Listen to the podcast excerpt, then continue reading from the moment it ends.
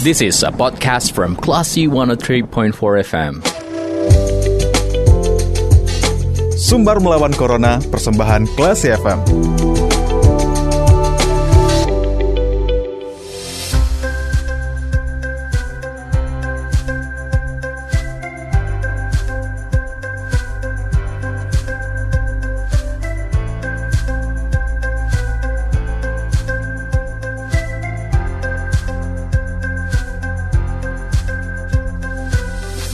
103,4 kelas FM This is the actual radio. Selamat sore kelas people Saatnya Anda mencermati sumber melawan Corona. Bersama saya di Tendira Dan kondisi saat ini pandemi Angka positivity rate apalagi di sumber ya kelas people Ini terbilang tinggi. Dan di saat tenaga kesehatan berjuang nih Melawan COVID Masih banyak masyarakat di antara kita yang abai terhadap protokol kesehatan. Dan kali ini saya sudah terhubung bersama dengan Mbak Suryati yang merupakan Kepala Instalasi Hemodialisa Rumah Sakit Haji Adam Malik Medan sekaligus juga Ketua PDF di wilayah Sumatera Utara. Kita akan tanya bagaimana pengalaman beliau, apa yang mereka, uh, beliau rasakan saat um, mengalami atau terkena dari COVID ini ya. Kalau gitu kita langsung saja sapa. Assalamualaikum, selamat sore Mbak. Waalaikumsalam, selamat sore Mbak Ria. Iya, um, Dita mau tanya kabar Mbak dulu nih. Sore ini sehat ya Mbak ya? Alhamdulillah sehat. Baik. Nah Mbak, um, sebelumnya kan Mbak pernah mengalami nih COVID yang terbilang berat ya. Mungkin bisa di-share ke kita Mbak? Karena di luar sana nih banyak banget nih orang yang masih nggak percaya sama COVID, bahkan menganggap um, COVID itu biasa aja karena mungkin melihat beberapa artis terlihat uh, gejalanya ringan jadi terlihat biasa saja gitu Mbak. Iya, makasih Mbak uh, kesempatan diberikan kepada saya. Mm-hmm. Kadang-kadang kita uh, sudah mengalami penderitaan itu ada rasa takut, istilahnya paranoidnya tinggi ya. Mm-hmm. Uh, tapi ada masyarakat atau teman kita sendiri pun kadang-kadang rasa percaya dan tidak percaya. Tapi sesudah kita mengalaminya rasanya sakit. Hmm. Uh, mungkin saya yang paling menjaga sebenarnya di unit-unit HD itu saya yang paling uh, kontrol benar masalah uh, cuci tangan ya pertama hmm. cuci tangan masker kami itu bukan masker yang masker bedah biasa. Semua pakai N95, pakai TC gitu ya. Tapi masih juga terpapar. Itu yang saya kadang-kadang nggak habis pikir. Tapi nggak bisa kita kaji mbak dari mana saya menularnya, dari mana tetapi kita sudah terpapar gitu. Hmm, awalnya saya itu merasa nggak uh, enak bermeja. Hmm. Uh, udah duluan Bang Farhan ya suami kena dari dari suasana Bang Farhan yang kena itu uh, suami yeah. Iya. uh, rasanya gitu sakit janganlah kita kena lagi gitu ya karena uh, seperti Bang Farhan itu juga dia tuh melakukan uh, swab ya sampai 6000 swab gitu perasaannya merasa aman-aman aja akhirnya juga uh, jatuh juga terpapar juga gitu ya. Mm -hmm uh, untuk pelayanan COVID ini kami sendiri aja saya rasa sudah bisa istilahnya nggak ketemu-ketemu, nggak pulang-pulang ke rumah takut terkontaminasi itu. Mm-hmm. waktu yang PH ada berapa bulan? Tiga bulan ya nggak pulang baru terpapar ya. Begitulah kami menghindari supaya jangan kena. Ter- mm. ternyata uh, uh, terpapar juga Mm-hmm. Kalau saya pribadi awal-awalnya merasa nggak ada uh, menghadapi apalagi pasien-pasien HD ini ya rutinitas uh, yang harus dilayani kita tidak tahu dia itu uh, positif atau mm, enggak tetapi yeah. apalagi komorbid ya pasien mm. HD itu ada hipertensi ada gula semua ada di sana ya tapi kami betul-betul menjaga tapi kena juga. Tapi hmm. heran juga kenapa orang yang tidak berjaga-jaga itu merasa tidak takut gitu ya, hmm, ya Mbak. Iya benar. Uh, hmm. Saya merasa mengalami awal-awalnya ada sedikit nggak enak badan, hmm. rasa di tulang. Kemudian semua makanan itu mulai uh, rasa pengecapan saya hilang hmm. antara nasi goreng sama apa sambal lado itu sama rasanya hmm. gitu itu pagi-pagi sekali jadi begitu saya rasakan tidak enak badan saya sendiri di Medan kan uh. makan kan di Padang sama anak bagaimanapun saya ini harus terbang gitu hmm. tapi rapid test saya masih negatif uh. nah, gitu. hasilnya sih negatif uh, tapi panas panas itu ada tapi rapid negatif saya bebas terbang bebas terbang hmm. sampai Padang dengan muntah berat segala mas masuk semua yang masuk keluar semua yang masuk keluar nah dokternya menganggap itu nggak oh. covid itu tipoid gitu memang hasil laboratoriumnya menggambarkan tipoid gitu tapi akhirnya Bang Paran merasa ini COVID karena ada batuknya sedikit batuk itu nggak nggak ada batuk yang yang banyak tapi sekali sekali gitu-gitu. Hmm. Di swab positif, waduh itu itu rasanya begitu mendengar hasil positif itu nggak nggak bisa dilukiskan dengan kata-kata uh. ada rasa sedih, ada rasa takut, cemas yang berlebihan. Ah, walaupun teman-teman semangat semangat lawan covid lawan covid itu kan hmm. hanya kata-kata ya, tapi kita yang hadapi. Masuk ruang isolasi itu rasanya sedih kayak gitu. Hmm. Makanan nggak bisa masuk, apa pun nggak bisa masuk, pahit semua mulut tuh pahit sekali kita uh, jauh.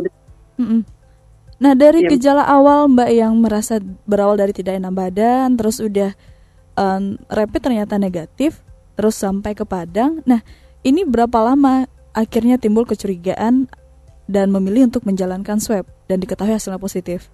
Uh, hari dua malam lah uh, di infus antibiotik tuh kalau nggak berkurang-kurang panasnya hmm. tipoid apa ya waktu itu dokter paru sama penyakit dalam yang merawat kita swab uh, Bang Farhan sendiri dia merasa ini COVID. Jadi gejala COVID itu macam-macam.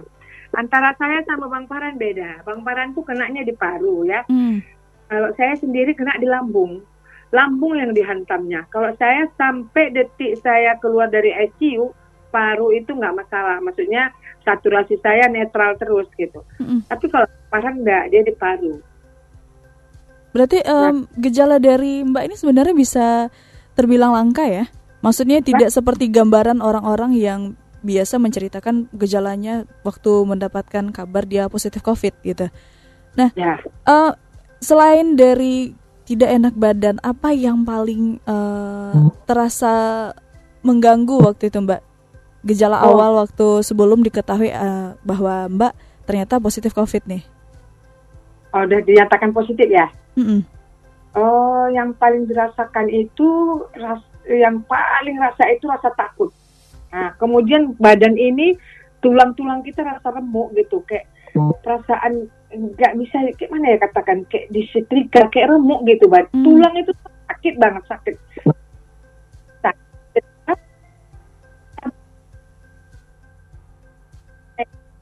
Mm-hmm.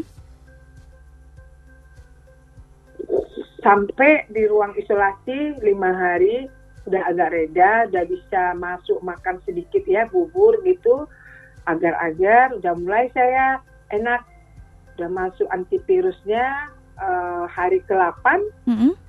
udah mulai ikut senam di ada M Jamil itu, udah ada ada senamnya tiga kali seminggu. Yeah. Tapi rasa sedih itu tak bisa dihilangkan, rasa sedih dan cemas Nah, hari ke-9 hmm. menunggu hasil, saya sudah swab ini malam. Hmm. Hasil menunggu swab di ada di Jamil itu harus dua kali swab negatif boleh dikatakan pulang gitu lah. Hmm. Saya swab malam besok Pak untuk kalau sudah negatif sudah boleh lah kita swab sekali lagi sudah boleh pulang. Terus saya senang, saya semangat gitu.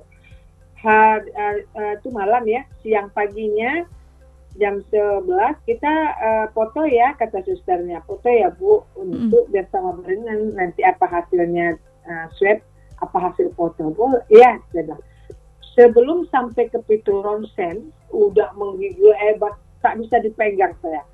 Menggigil hebatnya tuh goyang semua tempat tidur tuh. Di situlah Bang Farhan sama adiknya ada kebetulan uh, kepala bagian ICU oh ini kena badai stokin. Jadi kita tuh berharap jangan sempat kena badai sitokin kalau di hari 9 sampai ke 14 itu kita sudah bisa melewati itu alhamdulillah. Ternyata hmm. saya nggak ibadah itu datang. Hmm. Saya nggak bisa lagi, hasil labnya udah kelapakan semua dan Bang Farhan juga merasa cemas. Kayaknya dokter DPDP-nya juga bilang, aduh ini bahaya sekali. Mencemaskan lah. Akhirnya saya disorong ke ICU. Sorong ke ICU saya itu sudah ngawur, udah nggak nggak tahu apa, hmm. tapi banyak lah. Yang saya ingat sama sekali saya tidak akan pernah menutup karena hmm. rasa takut. Hmm.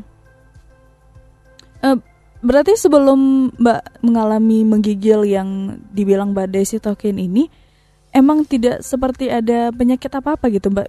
Benar-benar seperti sudah segar gitu ya? Sudah segar, sudah masuk kan impuls antivirus sudah hari kelima. Mm -hmm.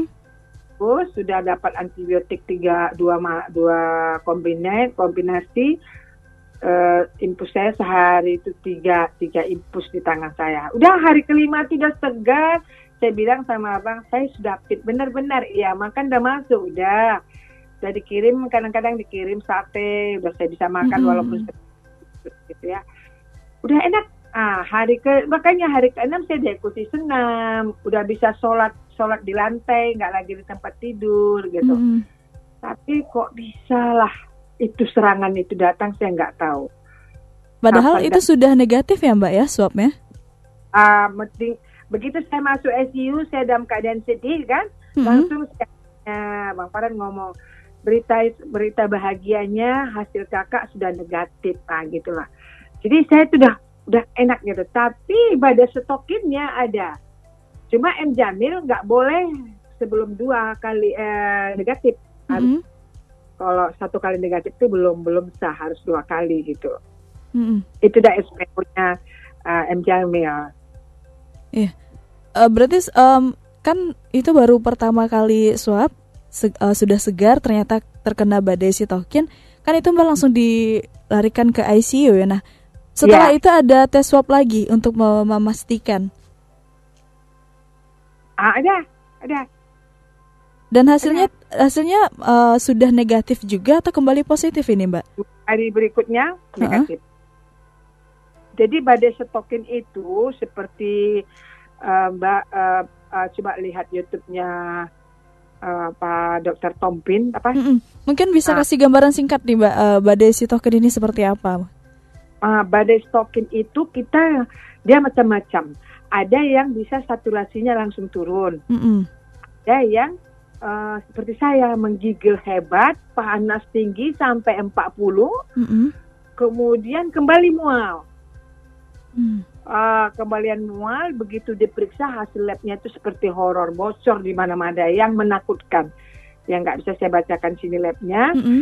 menakutkan sekali hasil labnya kalau tidak tertanggulangi kalau kita nunggu hasil lagi hasil ini baru dikasih antibiotik mungkin saya uh, apa uh, bertukar raga lah tetapi mm-hmm. semua kuasa Allah mm-hmm. semua dipermudah dokternya cepat, dokternya ambil singkap, tidak nunggu lagi uh, kultur darah, harus pokoknya antibiotik apa pun diusahakan, gitulah. Jadi uh, kebetulan dokter M. Jamil itu kan uh, katakan satu rating sama abang ya, mm-hmm. jadi kan usahakan secepatnya. Karena menurut mereka tapi nggak sampai ke saya sesudah saya sehat baru dikasih tahu mereka bahwa saya itu fifty bisa hmm. habis bisa enggak. Kalau menurut pengalaman yang sudah meninggal meninggal samalah kasus dengan saya dan Bang Farhan itu badai setokinnya saturasi turun uh, hasil paru jelek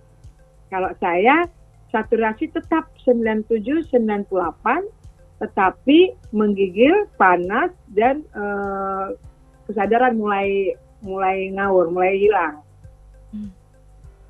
Baik. di situ itu beda-beda badai stokinnya. Mm -hmm. uh, uh, Ada ini yang tidak tertanggulangi mm -hmm. langsung habis. Baik. Ha, begitu dapat serangan tidak bisa tertanggulangi dalam hitungan uh, hari atau satu hari aja habis gitu ya. Tapi alhamdulillah mungkin Allah mengasih kesempatan bagi saya mm. untuk uh, mengingat dia kembali ya lebih yeah. lebih ibadah kasih kesempatan kalau saya pejamkan mata sekarang mengingat itu mungkin air mata saya nggak nggak ini loh mbak nggak nggak bisa berhenti saat-saat saya di ICU kritis itu saya nggak merasakan apa lagi oh. hanya uh, sudah mulai nggak sadar nggak tahu apa maksudnya sadar antara sadar dan nggak sadar seperti habis dibius gitu lah mm-hmm. kadang ada diganti obatnya ya ini nggak cocok saya ingat gitu tapi tidak tidak normal lagi gitu. Baik, berarti uh, kondisi badai sitokin ini memungkinkan terjadi bagi pasien COVID dengan kondisi berat ya Mbak ya dan perlu diwaspadai walaupun hasilnya sudah negatif beberapa hari setelah mereka tes swab gitu ya. Benar sekali. 100% benar sekali itu benar bagus sekali pendapat Mbak. Jadi walaupun dia negatif menunggu hasil badai sitokin itu datang. Mm -hmm. Karena masa pemulihan juga itu kan ada sampai uh, 12 minggu ya mm -hmm. masa dan sudah kita badai setokin itu bisa datang dan yang negatif juga bisa kembali positif. Mm -hmm. Nah, itu kita itulah kita yang nggak tahu anehnya COVID ini. Makanya saya bilang COVID ini bisa berada bukan hanya di paru. Kalau saya memang asli lambung. Begitu mm. kita buka Google, mm buka literatur, memang benar di lambung sekian persen dihantam. Yang paling sakit itu masuk makanan sama sekali nggak bisa, muntah keluar nembak. Itu yang paling saya pernah saya rasakan, Mbak. Benar-benar. Jadi makanya saya bilang kok ada sih orang masih nggak percaya COVID dan menuduh yang enggak-enggak, mm-hmm. rasanya sakit badan kita ini itu janganlah dirasakannya. Nah, itulah. Baik. Eh, ditambah lagi ditambah lagi sekarang virus corona ini sudah bermutasi dengan varian baru ya Mbak ya dan bisa saja mungkin lebih kuat lagi menyerang organ-organ lain gitu ya. Nah, makanya saya uh, saya pribadi kadang-kadang uh, kan nggak mungkin saya bilangkan saya sudah menderita COVID lah, nggak mungkin ya. Mm-hmm. Jadi kita ngisi pom bensin ya di di ngisi bensin itu nggak ada yang pakai masker. Jadi kita buka kaca itu pun rasanya seperti sombong mengasihkan uang itu melalui kaca mm. yang kecil. Yeah. ya. Itu kan sombong kesannya dan rumah makan rumah makan juga banyak yang tidak masker gitu loh. Mm -hmm. Yeah. uh, uh, waktu saya di Padang berapa hari saya bilang gimana sih, tapi rasanya kalau kita bilang kan mereka marah gitu. Jualan jualan kue juga nggak nggak nggak ini nggak pakai masker gitu. Ya apa tapi ya mereka itu pula nggak nggak dapat sama mereka ya hmm. penderitaan itu gitu loh mbak. Iya uh, mungkin perlu lebih gencar lagi pihak mana pun membantu mengedukasi masyarakat ya Mbak ya. Dengan berbagai yeah. pengalaman misalnya pengalaman nyata seperti yang sudah Mbak ceritakan di sore hari ini. Mungkin bisa menjadi referensi lah buat uh, pendengar kita yang masih ragu-ragu yang masih uh, abai dengan protokol kesehatan. Ini ada loh buktinya. Benar Mbak. Sakit lah Mbak kalau sudah sudah dapat itu sakit. Dan dan yang tidak bisa kita hilangi jangan berbohong, nggak bisa dibohongi. Rasa cemas yang berlebihan. Hmm, yeah. selamatkah aku? Ah, gitu aja. Walaupun kadang kadang-kadang SMS, telepon menguatkan, tetap semangat ya. Tetap ingat Tuhan, berzikir, berzikir. Nggak bisa kita bohongi. Hmm. Ah, rasa cemas tuh. Selamatnya aku, selamatnya aku ya Allah. Ah, begitu-gitu aja hmm. terus. Ah, Baik. Enggak Hmm, tapi bersyukurnya Mbak bisa melewati masa fase sulit itu ya kalau melihat deskripsi Mbak terkait dengan kondisi badai sitokin ini sepertinya sangat kondisi yang sangat berat dan itu yang mungkin uh, bisa saja menyebabkan beberapa kasus yang tidak terselamatkan gitu ya Mbak ya dan Mbak melalui fase tersebut. Ya, saya tuh Mbak sama-sama satu letting sama jadi satu uh, ini uh, siapa istri oh. Teddy Sah mm. Rina mm -hmm.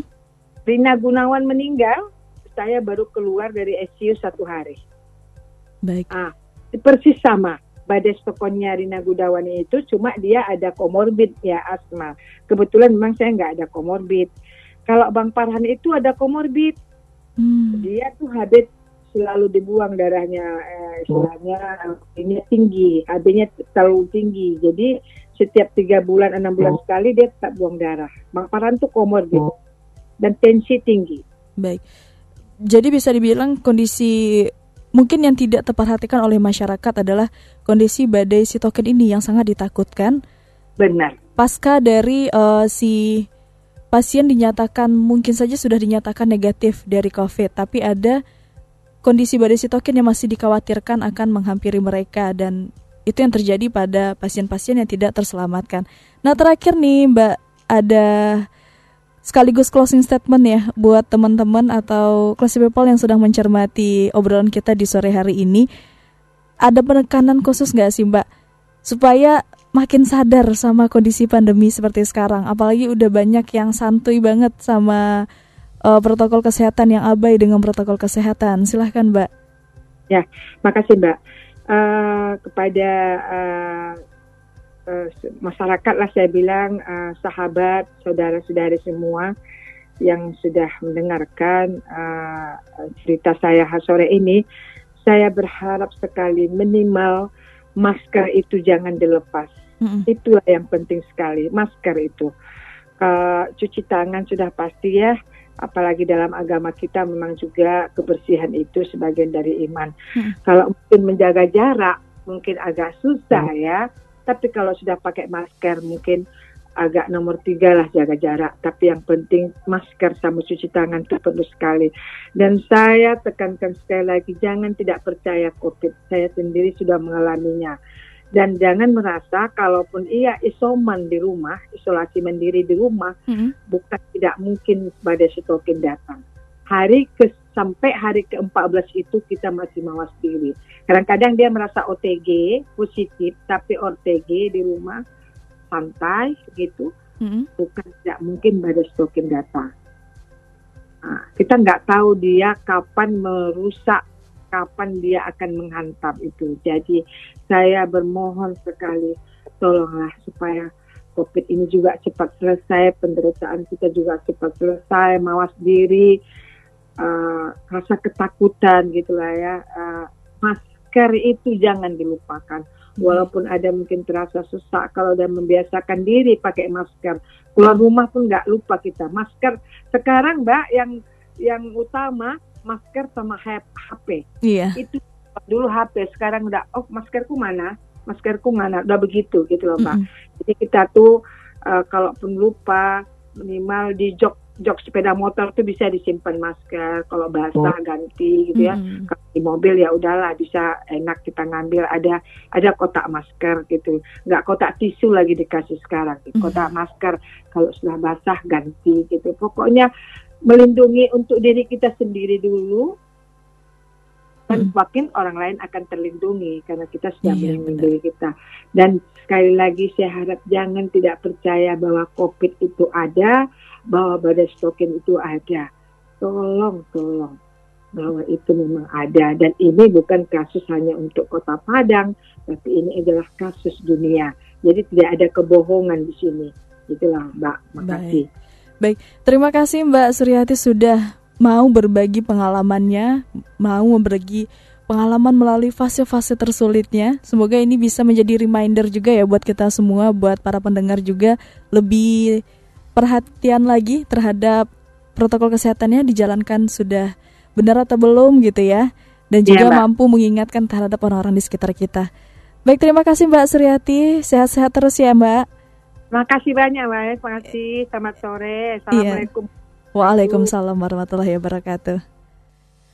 Baiklah si people, itu tadi obrolan kita bersama dengan Mbak Suryati yang merupakan Kepala Instalasi Hemodialisa Rumah Sakit Haji Adam Malik Medan sekaligus juga Ketua PD IBDI Wilayah Sumatera Barat dan beliau sudah berbagi kisah ya bagaimana dia melewati fase tersulit yaitu adanya badai sitokin yang dikhawatirkan bagi para pasien COVID-19 setelah dinyatakan negatif atau dinyatakan sembuh nih kelas Eupal. Mungkin kita perlu berhati-hati lagi dan lebih antisipasi lagi dibanding kita harus menghadapi kondisi ini lebih baik kita mencegah ya daripada mengobati. Kalau gitu saya Dita Indira, kita ke program selanjutnya. Terima kasih. Anda sudah mencermati program Sumber Melawan Corona. Cermati podcast obrolan ini di www.classfm.co.id atau download aplikasi Class FM.